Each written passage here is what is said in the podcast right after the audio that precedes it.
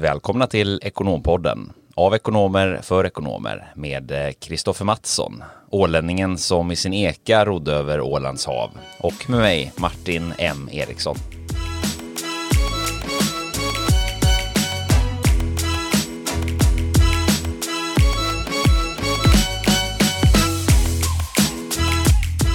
Underbart att vara här med dig Martin igen. Men detsamma Kristoffer. Vad har vi vad har vi på agendan idag? Vad har hänt sen sist? Vi eh, har ju en eh, påskhelg som stundar och du snackar ju någonting Kristoffer om någon eh, härjande fågelinfluensa som riskerar eh, påskäggen i år. Ja just det, men man, man blev uppmanad här att bunkra med och köpa med ägg här innan påsk så att man med säkerhet har dem när påsken stundar. Det är nämligen så att en av Sveriges största eh, äggproducenter har så att säga drabbats av någon form av fågelinfluensa och då har producenten i fråga blivit tvungna att eh, avliva 1,4 miljoner värphöns. Vilket då gör att man riskerar att inte få ägg till påsk. Så eh, en shootout till alla där ute. Se till att skaffa era ägg till påsk så att ni har någonting att måla på frukostbordet. Och du har bunkrat eller? Jajamän, jag köpte med mig några paket här i förra veckan redan. Då kan jag köpa in mig på dina ifall det tar slut då. Jajamän. Eh, vad har du gjort sen sist Martin? Du eh, har varit på skidresa vill jag minnas. Ja, precis. Hur många skiddagar har det varit så här långt eh, 2021? Jag är uppe på 28 skiddagar nu. Eh, med mitt mål om 30 skiddagar i år. Och jag kommer nog att landa på 35 som det ser ut. Jag ska ju till Åre i, eh, här i, efter påsk. Och avsluta säsongen med, med lite utförsåkning. Eller mycket utförsåkning. Ja, det är bra jobbat. Själv har jag faktiskt dragit igång med utomhuslöpningssäsongen. Jag är ju lite sådär anti att göra det under vintern när det är halka och minusgrader. Jag är mer en sån där vår, vårkantslöpare. Men det är det som är härligt med vinter och sommarsporten när man också bor i Sverige. Förmånen vi har här är att vi har ett avlångt land så att eh, vi, vi, kan ju liksom fortfarande befinna oss inom rikets gränser så att säga och, och i princip ena dagen utav av eh, alpin skidåkning och nästa dag vi var ute i vårsolen och ta en härlig eh, runda och se alla vårtecken som frodas nere i södra Sverige. Precis så idag då? Vi, eh, förra veckan så pratade vi om distansarbete och eh, kanske den tekniska utvecklingen här i efterdyningarna av covid-pandemin och idag tänkte vi prata om någonting eh, som kanske också, ja men ett litet följetong på förra veckans avsnitt egentligen som handlade då, just om distansarbete. Mm. Vi kommer prata om den globala megatrenden och, och gig-ekonomin. Mm, precis. Eh, som ju kanske har fått en extra skjuts av, eh, av eh, att det ju faktiskt har varit en, en tid utav hemarbete och distansarbete och det här är väl någonting som kanske uppmuntrar många, eh, både företag, organisationer och individer om att tänka ett varv extra eh, i just den här frågan. Så att vi ska i dagens ämne slå ner på, eh, på specifikt just, eh, just det här ämnet om eh, det som kallas det här med gig-ekonomi. Och Kristoffer, vad, vad är då definitionen av gig-ekonomi? Eller vad menar man med ordet gig, att gigga? Ja men gig-ekonomi eh, är ju egentligen fri, frilansande som ju har funnits en ganska lång period och, och varit framförallt väldigt vanligt inom ja, eh, kommunikation och media och den, den typen av giggande och det kommer väl, jag menar man kan tänka en, en DJ till exempel i musikbranschen kommer att göra ett projektbaserat gig på en fest eller liknande. Det är därifrån det härstammar från början. Mm, själva ordet giggande. Precis. Och det här är ju idag en eh, global megatrend. Eh, som, som vi precis var inne på så har ju frilansandet funnits länge och, och är ju liksom en, någonting som är en, en stor del utav många branscher. Ja, vi tänkte bena ut eh, begreppet och komma in lite på vad det innebär för så att säga giggande för dig som ekonom. Eh, och frågeställningen då, men är, det en digital, är du en digital nomad på en strand i Thailand eller är du en livegen arbetare med dåliga arbetsvillkor?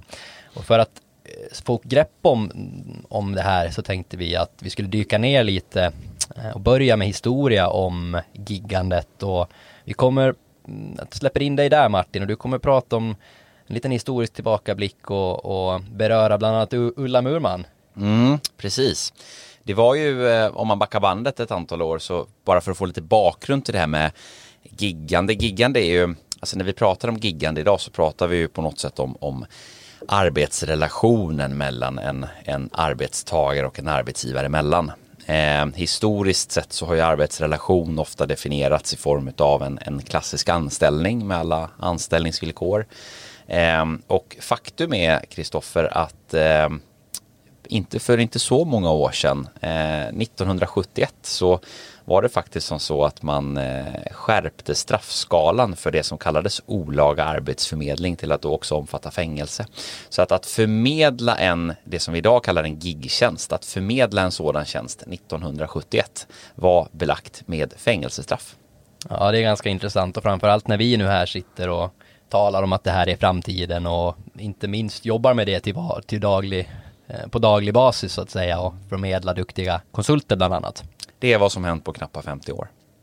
Spännande. Mm. 1936 så var det faktiskt som så att staten fick monopol för eh, eh, arbetsförmedling. Eh, då reglerade man det här att, att all, all, allting som rörde just förmedling av ett arbetstillfälle eh, skulle staten ha monopol på. Eh, 1942 så inkluderade man även personaluthyrning i det här förbudet och eh, Först 69 kom det en statlig utredning som, som ville tillåta personaluthyrning. Eh, men som sagt då bara ett par år senare, 1971, så, så infogade man också eh, fängelsestraff eh, i eh, straffskalan då för, för det här eh, olaga arbetsförmedling som då inte var tillåtet. Eh, det dröjde fram till 1993 då arbetsförmedlingsmonopolet i Sverige faktiskt avskaffades. Eh, och eh, den här Ulla Murman som du precis var inne på, känner du till henne någonting Kristoffer?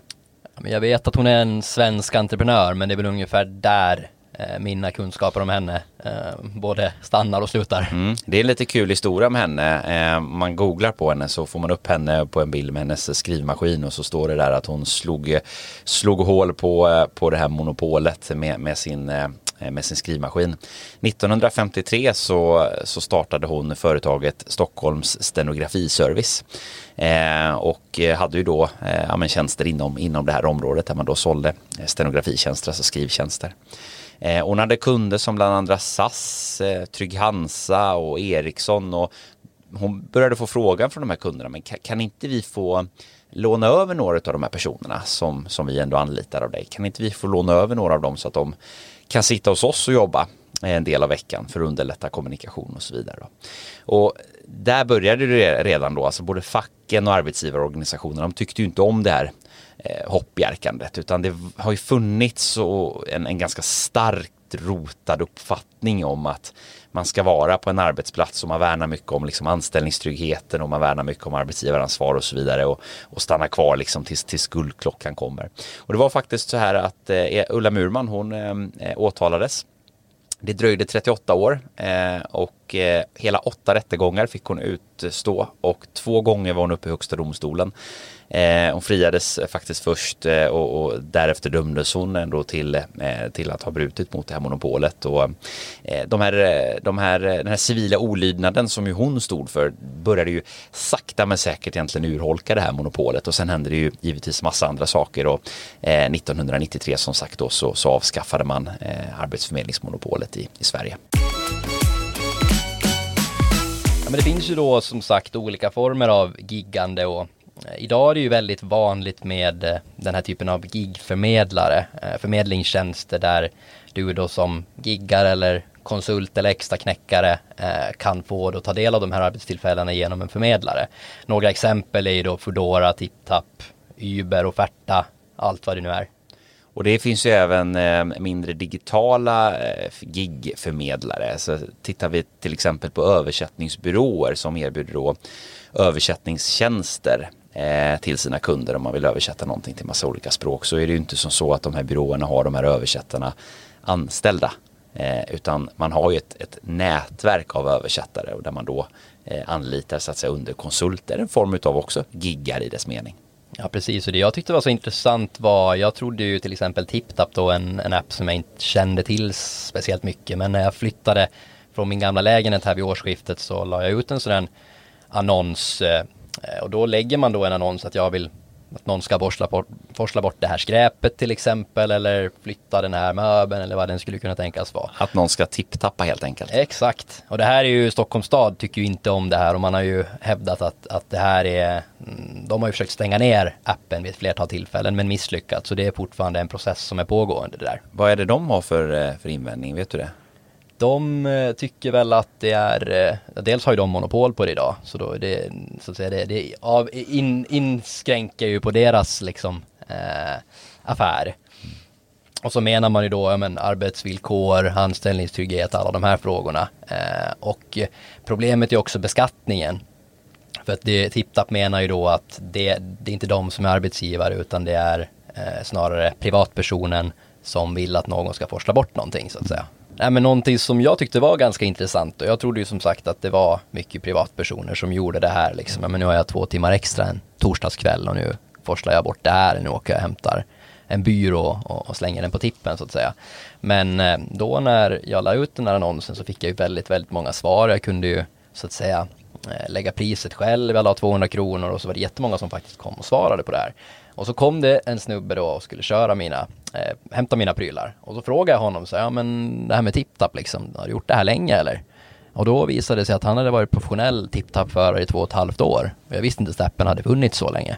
Kan man kan ju också vara anställd av ett, eh, eh ett, ett konsultbolag och det kanske vi lite exkluderar i den här formen av giggande som vi pratar om idag då.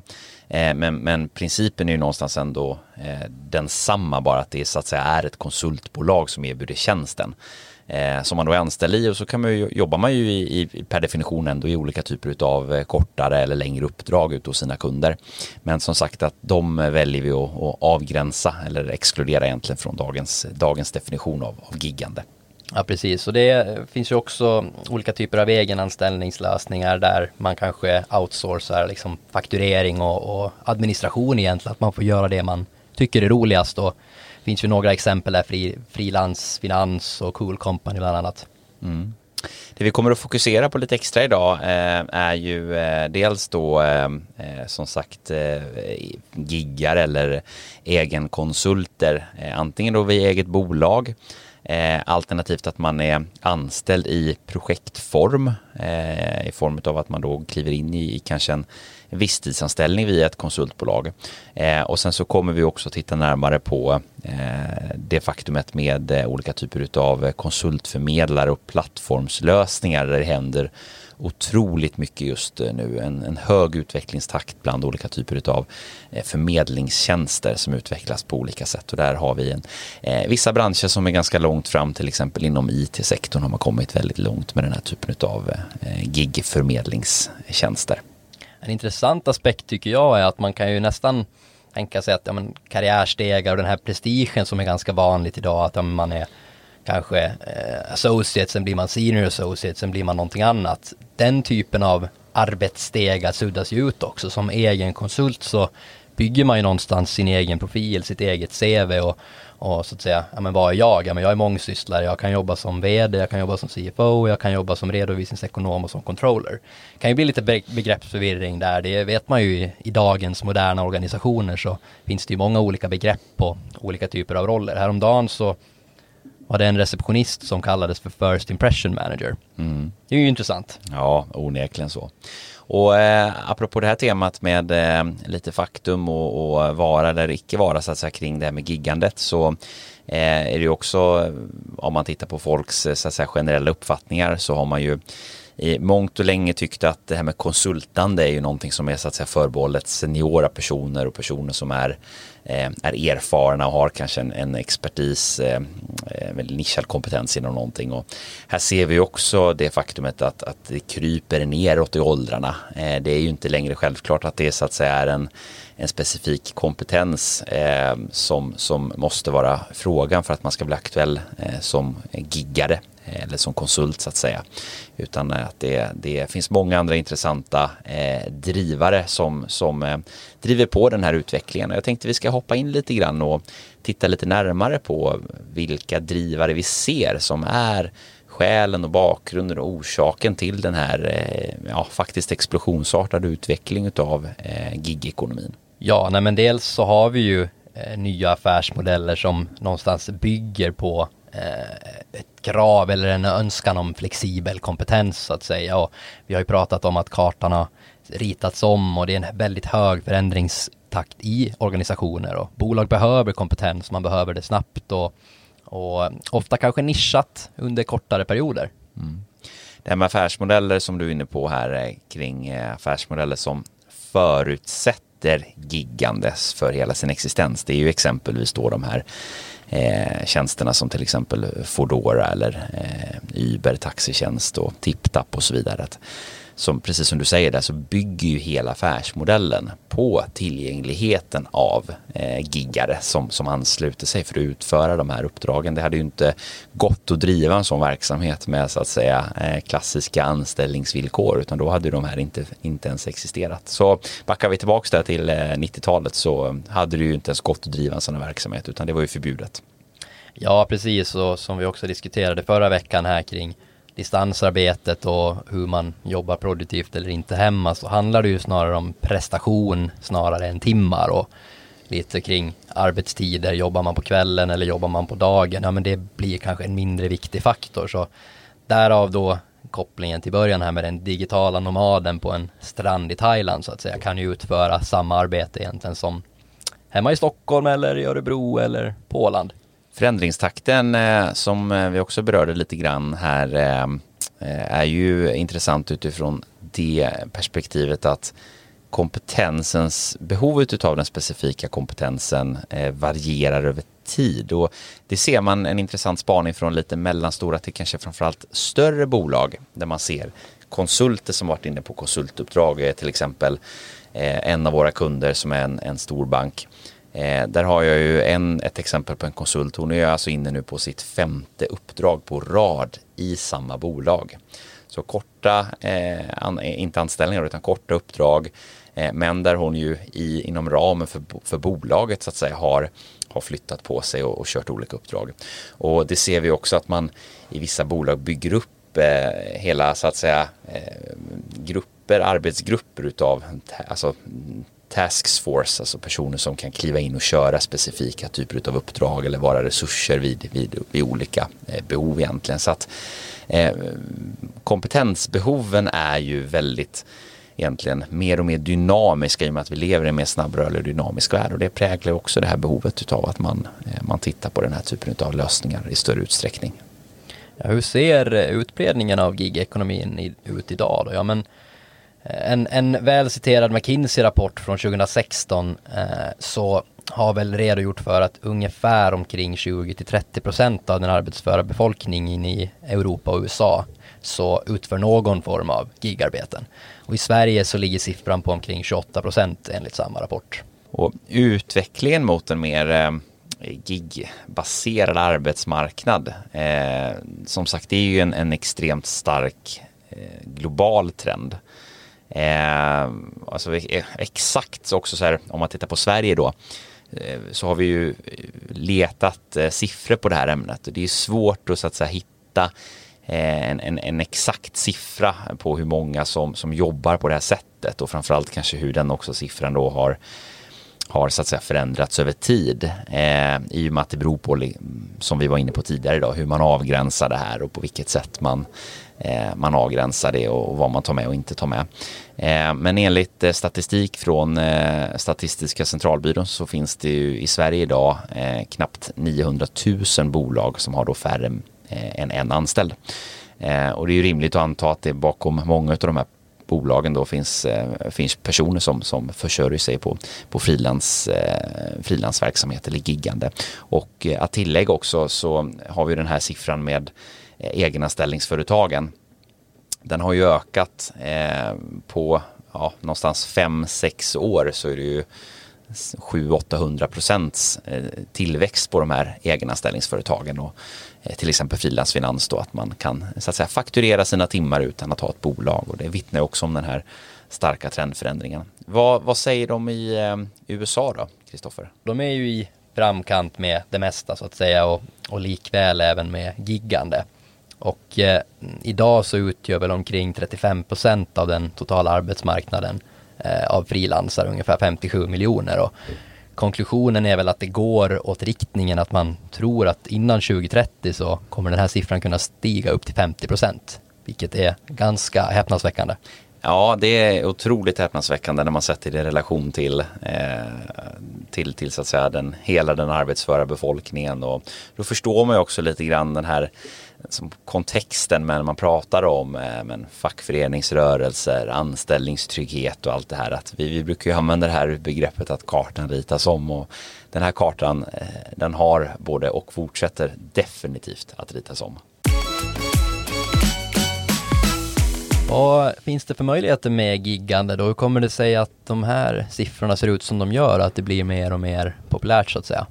Om vi ska prata utifrån då den enskilda individens perspektiv och här då också avgränsa det till eh, ekonomen eh, och de möjligheterna till giggande som finns för den enskilda ekonomen. Eh, så kan vi också börja med att, att kommentera kanske en, en invändning eller en kritik som finns mot det här och det har ju att göra med det här ofrivilliga giggandet eh, som, som man ibland kommenterar om i, i media och liknande och man pratar just om det här med eh, bemanningsverksamhet och korta eh, anställningskontrakt eller osäkra anställningar eller projektanställningar och så vidare som inte egentligen har någon, någon anställningstrygghet i sig.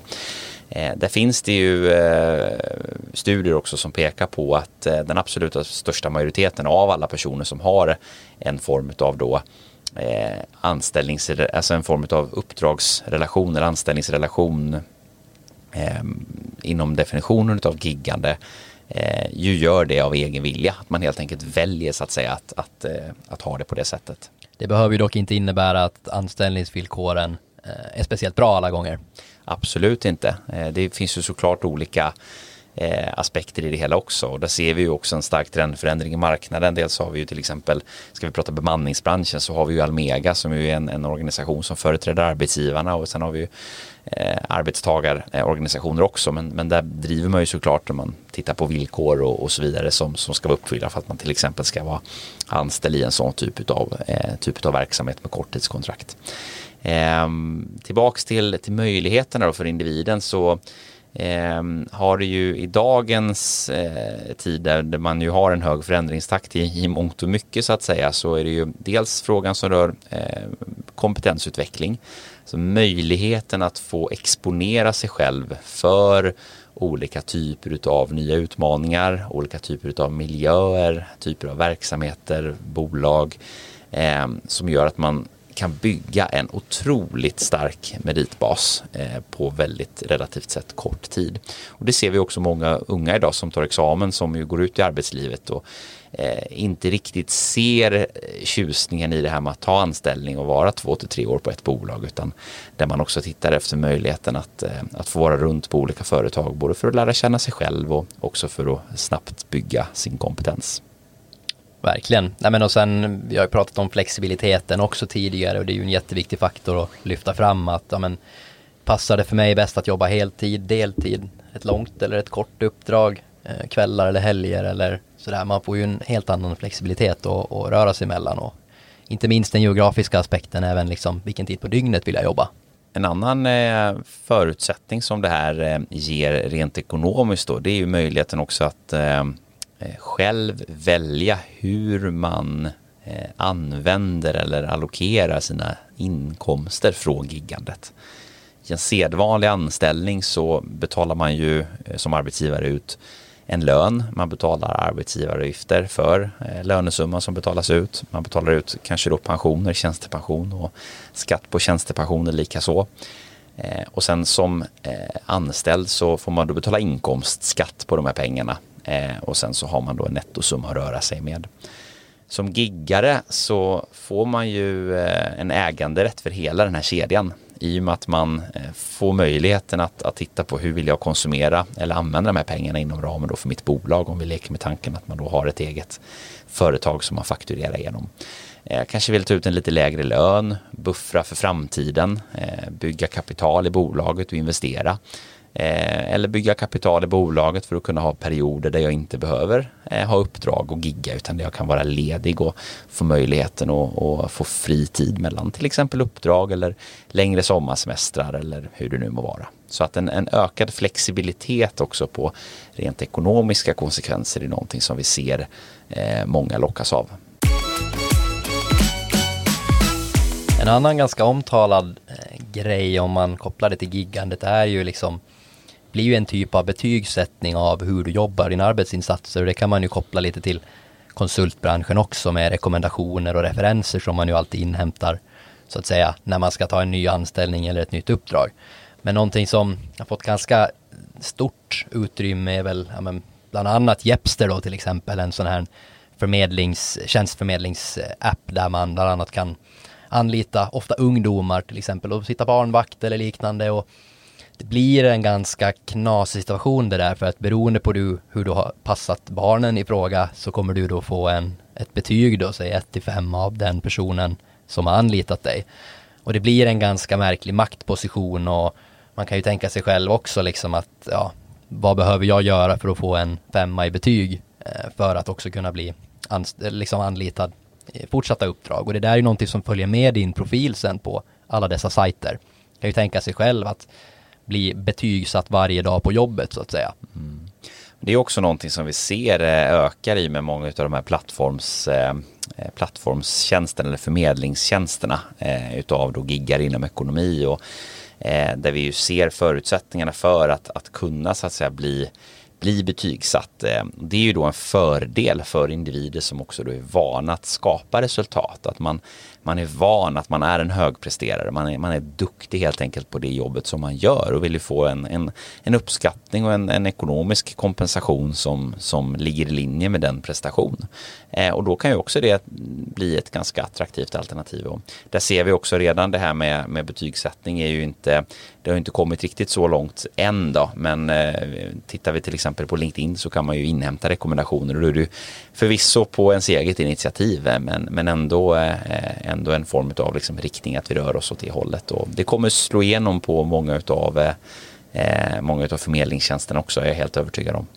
Ja men så är det och som sagt det behöver ju precis som du är inne på inte alltid vara ett problem men det kan vara och det har ju förekommit också. En annan stor fråga har ju varit kanske Uber-chaufförer som får motstå väldigt, väldigt otrevliga kunder och, och de får liksom helt enkelt bara hålla masken. Kunden har alltid rätt för att annars kommer jag få sparken eller aldrig få några körningar mera. Så det, det går ju verkligen att nyansera eh, den där eh, den frågeställningen. Och tar man då exempelvis det så kan man ju ta ytterligare en eh, plattform förmedlingstjänst av giggare om man bara ska då referera det här återigen tillbaks lite till ekonomen och vad det här kan tänka skapa för framtid för ekonomen. Eh, om vi tittar lite snabbt in på eh, förmedling av eh, bostad, eh, korttidsboende eh, som är en utmanare till hotellverksamheter, Airbnb Eh, där man ju kan gå in och leta boenden, semesterboenden eller tillfälliga boenden eh, när man är ute och reser och så vidare.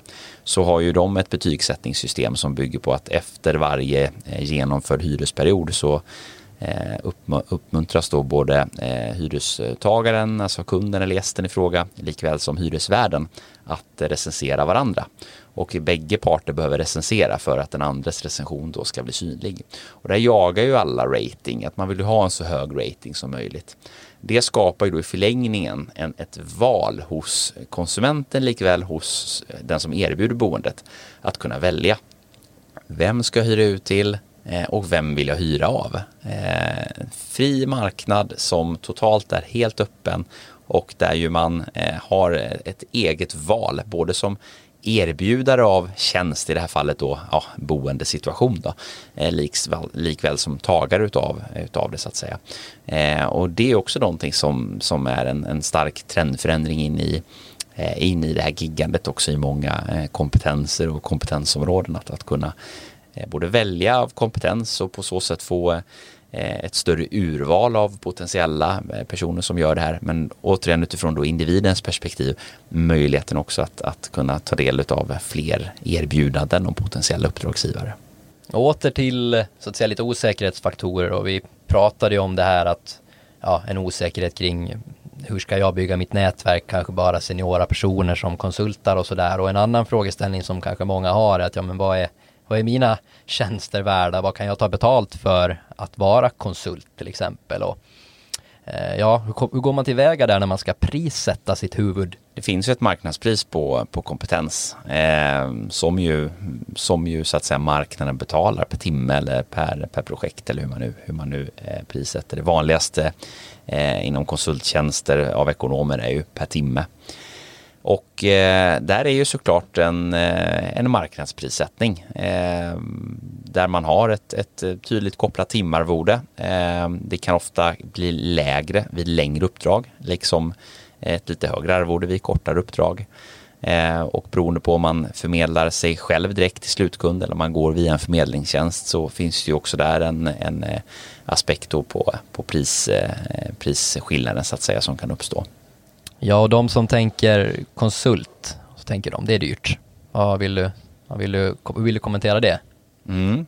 Konsult är, är dyrt eh, beroende på vad man sätter det i relation till. Att anställa personer är ju också kopplat till eh, en rad implikationer rent ekonomiskt som går bortom själva lönekostnaden. Vi har ju Eh, en rad kostnader runt omkring en, en anställningssituation eh, i form av såklart både skatter avgifter, eh, vi har eh, pensioner, vi har ett arbetsgivaransvar, arbetsmiljöansvar eh, och en rad kostnadsposter som går utanför. Likväl som den kostnaden att ju ha ett ansvar, ett, så att säga ett, om man har en, en tillsvidareanställd person så har man ju Eh, som arbetsgivare en, en skyldighet att, eh, att fullfölja då det här, den här arbetsrelationen mellan arbetsgivaren och, och, och medarbetaren i fråga. Så det är ju återigen också beroende på vad man har för behov. Att är behovet långsiktigt? Att ja, men här har vi ett behov att vi, vi behöver ha den här kompetensen för evigt. Eh, vi behöver ha eh, den här resursen för evigt. Nu funkar ju inget för evigt, men du förstår poängen. Så är det klart att ja, men då anställer vi kompetensen. Men finns det andra aspekter i det här? Att ja, men det är ett tillfälligt projekt eller vi ska testa någonting nytt eller vi har en tid, tidsbegränsat behov av en viss typ av kompetens eller lösning. Ehm, då landar det ju såklart på, på konsulten för vad, vad är annars alternativet? Ja, då halkar vi lite in på nästa område egentligen som handlar om kanske organisationens perspektiv mm, gentemot konsulter eller giggande. Eh, och eh, Ja, en fråga som jag brukar fundera ganska ofta på är kanske ledarskapet och men hur ska en konsult inkluderas? Jag menar, många, det är ju också någonting som diskuteras, att ja, men hur blir man bemött som konsult? Är du en del av övriga personalstyrkan eller är du en bakterie som gör av dina timmar och kostar väldigt mycket och, och sen när tiden är slut så går man hem så att säga. Man kanske inte har en liknande långsiktig agenda som en, som en anställd har. Och det kanske man inte alltid ska ha heller. Eh, det här är ju upp till uppdragsgivaren att definiera den här agendan. Eh, tittar du på till exempel interima chefsbefattningar där man tar in en, en, eh, en chefsbefattning eh, under kanske en period på sex månader i samband med till exempel en föräldraledighet så kanske det inte ens finns ett önskemål från uppdragsgivaren att man ska gå in och göra förändringar och ha en långsiktig agenda utan där kanske agendan ska vara kortsiktig, att man ska förvalta det här som det är eh, av, av det skälet eh, att, att man inte vill röra till det. Eller tvärtom. Låt säga att du har eh, en, att du tar in någon på ett förändringsuppdrag. Det kan vara ett chefsuppdrag, en, en chefsposition på kanske ett år eller två år där du ska göra en turnaround på en avdelning eller på ett bolag och så tar du in en interimchef för det ändamålet då kan det ju rent av vara en fördel att man inte har en anställning. Då kan man ju gå in som konsult. Man kan göra omstruktureringar, man kan ta beslut som kanske är ganska obekväma. Man kan vara ganska obrydd egentligen om vad folk tycker och tänker om en själv. Man behöver liksom inte bli uppskattad och älskad för att det här är ens kommande kollegor i fem sex år framåt, utan man kan gå in och göra ganska, ja men hård, sånt som kräver ganska hårdhudat förhållningssätt för organisationens bästa. Så att det här blir ju upp till uppdragsgivaren att definiera vad långsiktigheten eller inte långsiktigheten ska vara. Så att det här med att man inte är långsiktig, det hör man ju ofta som en invändning, men det behöver ju inte vara en nackdel. Det kan ju faktiskt i många fall vara en förutsättning för ett lyckat interimt uppdrag. Verkligen, då handlar det någonstans om att orientera vad är behovet och vad är agendan och så får man försöka handla därefter. Och det blir också någonstans ett, ett viktigt inspel just till, till eh, bägge parter när man går in i ett, ett interimt uppdrag eller ett gig då, eh, att, att just ställa den här frågan åt båda håll. Men vad, vad, är förväntansbilden? Vad är, det, vad är skälet till att vi tar in en konsult eller till att vi ens sitter och har de här diskussionerna om att jag ska kliva in? Vad, vad vill man så att säga som uppdragsgivare uppnå med det här? Och så får man ju som, som giggar eller konsult då eh, ta ställning till det faktum och, och, själv ställa sig frågan om hur pass väl linjerar det här med, med, så som jag vill jobba eller eh, så som jag så att säga är lämpad för, för det här uppdraget. Så att eh, det är väldigt olika och finns ju olika förutsättningar och olika eh, bakgrunder till, till varför man har ett visst behov det här skiljer sig givetvis då från, från fall till fall. Precis, det handlar mycket om men, att bygga en, en företagskultur också och, och sådär. Och vad behöver man mer tänka på då som företagsledare eller som organisation?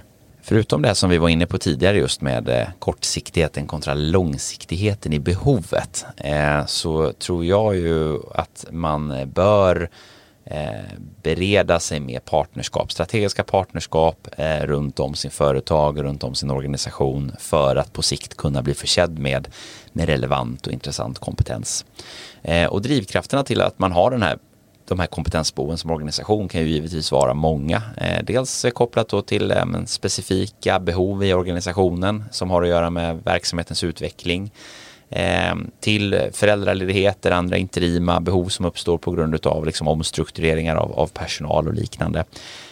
Så det här med att man, man sätter intressanta, bra partnerskap eh, med eh, bra leverantörer. Det ska jag säga är en, en, en, stark faktor och det är ju sånt vi också jobbar mycket med på daglig basis, du och jag. Och där ser man också fördelen med att, att på djupet känna varandra eh, genom att man då som kund också får en, en stark eh, ökad tillgänglighet utav men, bra kompetens när man väl har behoven. Verkligen, och tänk på ditt nätverk. Marknaden är ju mycket mindre än vad man tror och det handlar verkligen om att, ja, men, både för dig som konsult, liksom att ja, avsluta uppdragen. Man kanske har tre månaders mörker kvar, men man vet att sen kan jag kliva av och, och faktiskt ja, ta en månad och, och ladda batterierna likväl som organisationen så att säga att man vill ju att de duktiga konsulterna gärna ska kunna återvända också och som du var inne på eh, vi diskuterade tidigare om en konsult som har varit i samma organisation under flera års tid men bytt på olika avdelningar och och, och, så. Det vill man ju gärna behålla den kompetensen för att slippa kanske lära upp en ny konsult varje gång. Och det här med, med konsultande då, om man nu funderar som ekonom på, ska jag hoppa in och bli konsult? Ska jag hoppa in och bli giggare, frilansare? Kärt barn har många namn, men ska jag eh, i min nästa, i mitt nästa steg i karriären börja eh, att eh, kliva in på kortsiktiga uppdrag. Eh, och vad krävs då för det? Jag tänkte vi ska grottar ner oss lite på det här ämnet också. Dels lite hur man kan förbereda sig men också lite grann eh, framgångsfaktorer för att, att bli en, en duktig konsult. Då. Vi kan väl egentligen börja med att konstatera att det är ju inte ett ämne som är för alla. Eh, det är väl lika bra att bara riva av det där plåstret och, och, säga så så att inte man, man sitter här och känner att man går miste om någonting för att man väljer att inte vara konsult. Eh, tvärtom så finns det ju otroligt många bolag, typer av eh, företag, organisationer, affärsmodeller som, som har behov av fast anställd personal av många olika skäl. Det kan vara regulatoriska skäl till varför man måste ha anställd kompetens. Det kan vara företagskulturfrågor som, som handlar om att man bygger det här hela på, eh, på anställd kompetens. Det kan vara frågor som rör konkurrenskraft exempelvis där man behöver ha anställd kompetens. Så att eh, det finns ju en motpol till det här eh, givetvis då. Och eh, är man en person som, som ju känner att eh, men jag trivs med att veta hur min morgondag ser ut, jag trivs med att veta att jag har min arbetsplats att komma till eller eh, lönen som kommer in på kontot varje månad och jag inte behöver fokusera så mycket på de där frågorna. Eh, likväl som att man kanske är en riktigt duktig intraprenör och trivs med att skapa och bygga och utveckla fast i en trygg kontext. Eh, men då finns det ju fantastiskt många karriärmöjligheter och, och fortsätta utveckla sin karriär. Eh, så att det är inte som att man går miste om någonting eh, utan snarare tvärtom. Det finns ju otroligt mycket spännande att hämta även som anställd. Ja men så är det och sen finns det ju också en, så att säga om man vill prata baby steps, att man kan ju också så att säga ta en anställning hos ett konsultbolag eller någon av de så att säga stora bolagen som förmedlar den här olika typer av outsourcingtjänster. Att du kan komma in som redovisningschef eller redovisningsekonom och stötta under en tidsbestämd period. Men du har ändå en trygghet i din anställning hos det bolaget. Sen finns det naturligtvis ja, både för och nackdelar med, med den typen av, av anställning också, men det kan ju vara ett första steg i att testa om konsultlivet är någonting för mig, så att säga. Verkligen. Och hur blir man då eh, anlitsbar? Om vi ska byta ut ordet anställningsbar mot anlitsbar. Det här är ju en fråga som, som eh, man kommer att, så att säga, titta på eh, oberoende av om man går ut som egen giggare och ska hitta egna uppdrag eller om man ska bli anställd av ett, ett konsultbolag så att säga så brukar det oftast vara samma egenskaper och samma kompetenser som, eh, som går igen så att säga. Och ett ganska bra så här samlingsnamn på en egenskap. Om man liksom ska klustra ihop alla de här egenskaperna i någonting som man kan liksom eh, nämna vid ett ord så brukar vi ju prata om det här med, med konsultmässighet, att vara konsultmässig. Eh, som ju såklart består av en massa olika egenskaper men vi kan väl hoppa ner på några utav dem och jag kan väl börja med den första som jag tänker på när jag ser ordet eh, när jag pratar om konsultmässighet. Eh, det har ju att göra med förmågan att, att eh, se lösning förmågan att hela tiden vara så att säga mål och lösningsorienterad. Att, att man förstår att när, man, när det kommer någonting framför en eh, så kliver man in där för att lösa det och komma till bukt med det eh, och ha liksom den attityden och, och personligheten och förhållningssättet till det hela. Ja, precis. Och sen vidare tänker jag ju på en hög nivå av anpassningsbarhet. Att du kommer in i olika kontexter du kanske har eh, på pappret ett uppdrag men det kanske också blir tvunget att göra någonting annat och att man ändå håller god min. Man utför de arbetsuppgifter som man blir tilldelade så att säga någonstans. Jag tänker också på eh, integritetsnivån, att eh, det krävs en hög grad av integritet för att bli en, en högpresterande konsult över tid man kommer in i olika typer av företagskontexter, olika typer av kulturer. Man får reda på olika saker. Eh, vissa saker krävs att man för vidare för att kunna utföra sitt jobb. Andra saker borde man inte ens fått reda på. Då vill det till att man vet att man eh, håller igen eh, och inte pratar vidare. Eh, så att man kan, kan anpassa eh, och liksom veta vad man ska säga till vem och var och helt enkelt eh, säkerställa att man själv håller en, en hög integritet inom ramen för det uppdrag som, som man utför. Eh, även när man lämnar ett uppdrag och så att säga går vidare till en ny kund. Man kan ju gå vidare till branschens eh, eh värsta kollega så att säga eh, och, och som är konkurrent och, och, veta hur man så att säga förhåller sig till, till affärshemligheter och information och vad är, vad är det som jag inte får föra vidare och vad är det faktiskt sånt som är min kompetens som jag ska kunna föra vidare. Det är ju en integritetsfråga där man behöver ha en, en förståelse för den, den aspekten. Verkligen och någonstans så får man ju också tänka att du är ditt egna personliga varumärke. Det är du som är produkten som du levererar så att säga och liksom hur ska jag klä mig på det här uppdraget och vad förväntas av mig i den här rollen och ganska hög grad av professionalism också. Egentrygghet, att man har en hög grad av tilltro till sin egna eh, förmåga eh, inför olika typer av situationer. För att vi ser ju den här höga förändringstakten eh, redan i bolag där man har anställda medarbetare så ser vi hur stressnivåerna ökar. Vi ser hur, hur eh, personer är eh, i mångt och mycket ibland förvånade och chockade över när saker och ting händer, förutsättningar förändras. Eh, lägg ovanpå det lagret med eh, noll anställningstrygghet. Eh, då byts ju det faktumet eh, ut mot en, en högre grad av egen trygghet. Att man behöver vara trygg i sin egen kompetens, sin egen förmåga till leverans, sin egen förmåga till att, att hitta och säkerställa uppdrag, eh, uppdragets vara så att säga istället för att hitta tryggheten i en specifik anställning eh, eller en specifik anställningsrelation. Eh, det är också en viktig, eh, en viktig aspekt för att på sikt lyckas eh, och, och, och eh, bli framgångsrik som, som giggare. Verkligen. Och för att återkoppla till det här med också konsultförmedlare och så, så är det ju en väldigt bra väg att gå och få den typen av expert, expertis och, och rådgivning och luta sig mot så att säga att ja men hur ska jag bygga min konsultprofil? Eh, vilka egenskaper behöver jag lyfta fram till det här specifika uppdraget och ha en handfull av duktiga Eh, personer som du har ett förtroende i och som kan stötta dig och höras så att säga och synas eh, på marknaden helt enkelt. Och när det gäller det här med vilken typ av men, egenskaper ska jag lyfta fram för, för att få det här uppdraget och så vidare så blir det här också en viktig skiljelinje mellan Eh, dels det här fake it until you make it kontra att då vara ärlig med vad man faktiskt kan och inte kan. Det värsta vi vet är ju när vi sitter i situationer där man Eh, har en konsult som, som utger sig för att kunna någonting som de absolut inte kan eller klarar av så att säga. Eh, likväl som att man måste plocka fram de erfarenheterna och kunskaperna som kanske ligger långt i bagaget för att man ska bli så att säga relevant för ett specifikt uppdrag. Och hur, hur tycker du att man ska förhålla sig till den här avgränsningen, eh, de faktorerna emellan eller det faktumet eh, emellan så att säga? Ja men en öppenhet och en transparens så att säga, det, det är ju liksom ett bolags tillkortakommanden kanske någon kan, kan mena så att säga om man pratar om att det är väldigt rörigt här, vi har inga processer egentligen och det kan ju vara en dröm, ett drömuppdrag för en konsult, en riktig mumsbit, medan en annan person känner att uh, det där vill jag inte ta i med tång liksom och därför handlar det om att förstå organisationen och ställa lite krav och vara ärlig och öppen med vad man vill och vad man kan och vad man kan leverera så att säga.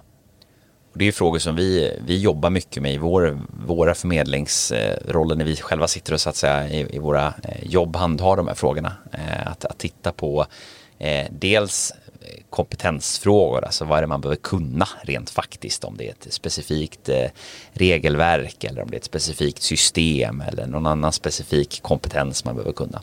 Men sen är det ju precis som du är inne på också eh, det här med konsultpersonlighet, alltså vad är kontexten man kliver in i? Är det en rörlig miljö eh, som är dynamisk eller en ganska statisk och förvaltande typ av, av uppdrag som ju kan få en stor påverkan så att eh, självrannsakan här också och kanske lite vad man trivs i eh, och vara ärlig kring, kring de aspekterna också. Och eh, vad, vad, skulle du säga är viktigt att tänka på då? Ehm, om man nu ska kliva in och Eh, och, och, ta sitt första uppdrag. Eh, många kan ju kanske förlita sig på det första uppdraget ibland, eh, likväl som att det kan bli lite väl eh, oroväckande, vad händer efter och, och, hur ska det här gå? Jag tänker ju ett faktum är ju att de här uppdragen ofta förmedlas med väldigt kort tidshorisont. Ja men så är det och jag tror det är viktigt att man strukturerar upp och har en ganska tydlig plan eller idé för hur man vill komma igång och kanske ha lite uthållighet också liksom mellan uppdrag och liksom hur, hur så att säga kräsen ska jag vara. Jag kanske har den här kompetensbakgrunden men jag kanske behöver börja ett snäpp ner då om man uttrycker det så för att komma in och bygga mitt konsultvarumärke någonstans. Och jag tror ju också liksom is i magen och det är ju jättesvår balansgång det där. Man får ett uppdrag, ska jag gå ner i arvode? Är det här vad jag egentligen vill göra? Kommer det komma ett roligare uppdrag om en vecka eller kommer jag behöva stå två månader utan jobb så att säga? Och har man lite tur så kanske man kan få lite hjälp av dig i, i de här frågorna också. Precis dit jag ville komma. Nej, men det, det handlar ju verkligen om det, att vara ärlig med sig själv. Vad vill jag? Hur vill jag så att säga leva? Hur vill jag jobba? Eh, och vad trivs jag i för typ av kontexter och arbetsuppgifter? För att summera och konkludera lite grann då, eh, det här som vi har pratat om idag, så, så eh, ser vi ju som sagt eh, väldigt många faktorer som, som tydligt pekar åt en enda riktning och det är att gigekonomin är en global megatrend som är här för att stanna. Eh, och den bjuder på väldigt många olika typer av möjligheter.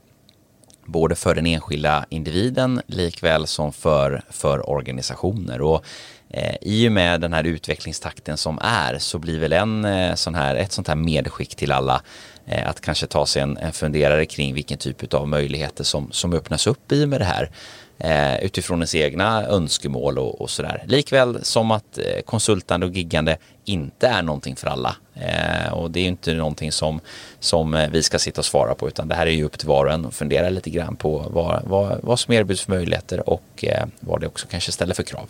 Ja, så är det och sen är det ju faktiskt en annan aspekt i det att men, om jag var intresserad och ta ett konsultuppdrag eller testa på den svängen så är det ju ingenting som säger att du inte kan ta en anställning i ett senare skede eller vice versa så att säga. Det ju, behöver ju inte vara livets ände om man ger sig kast med det. Däremot så brukar ju problematiken ligga i att ja, jag har tre månaders uppsägningstid och ofta så är de här konsultuppdragen med ganska kort varsel.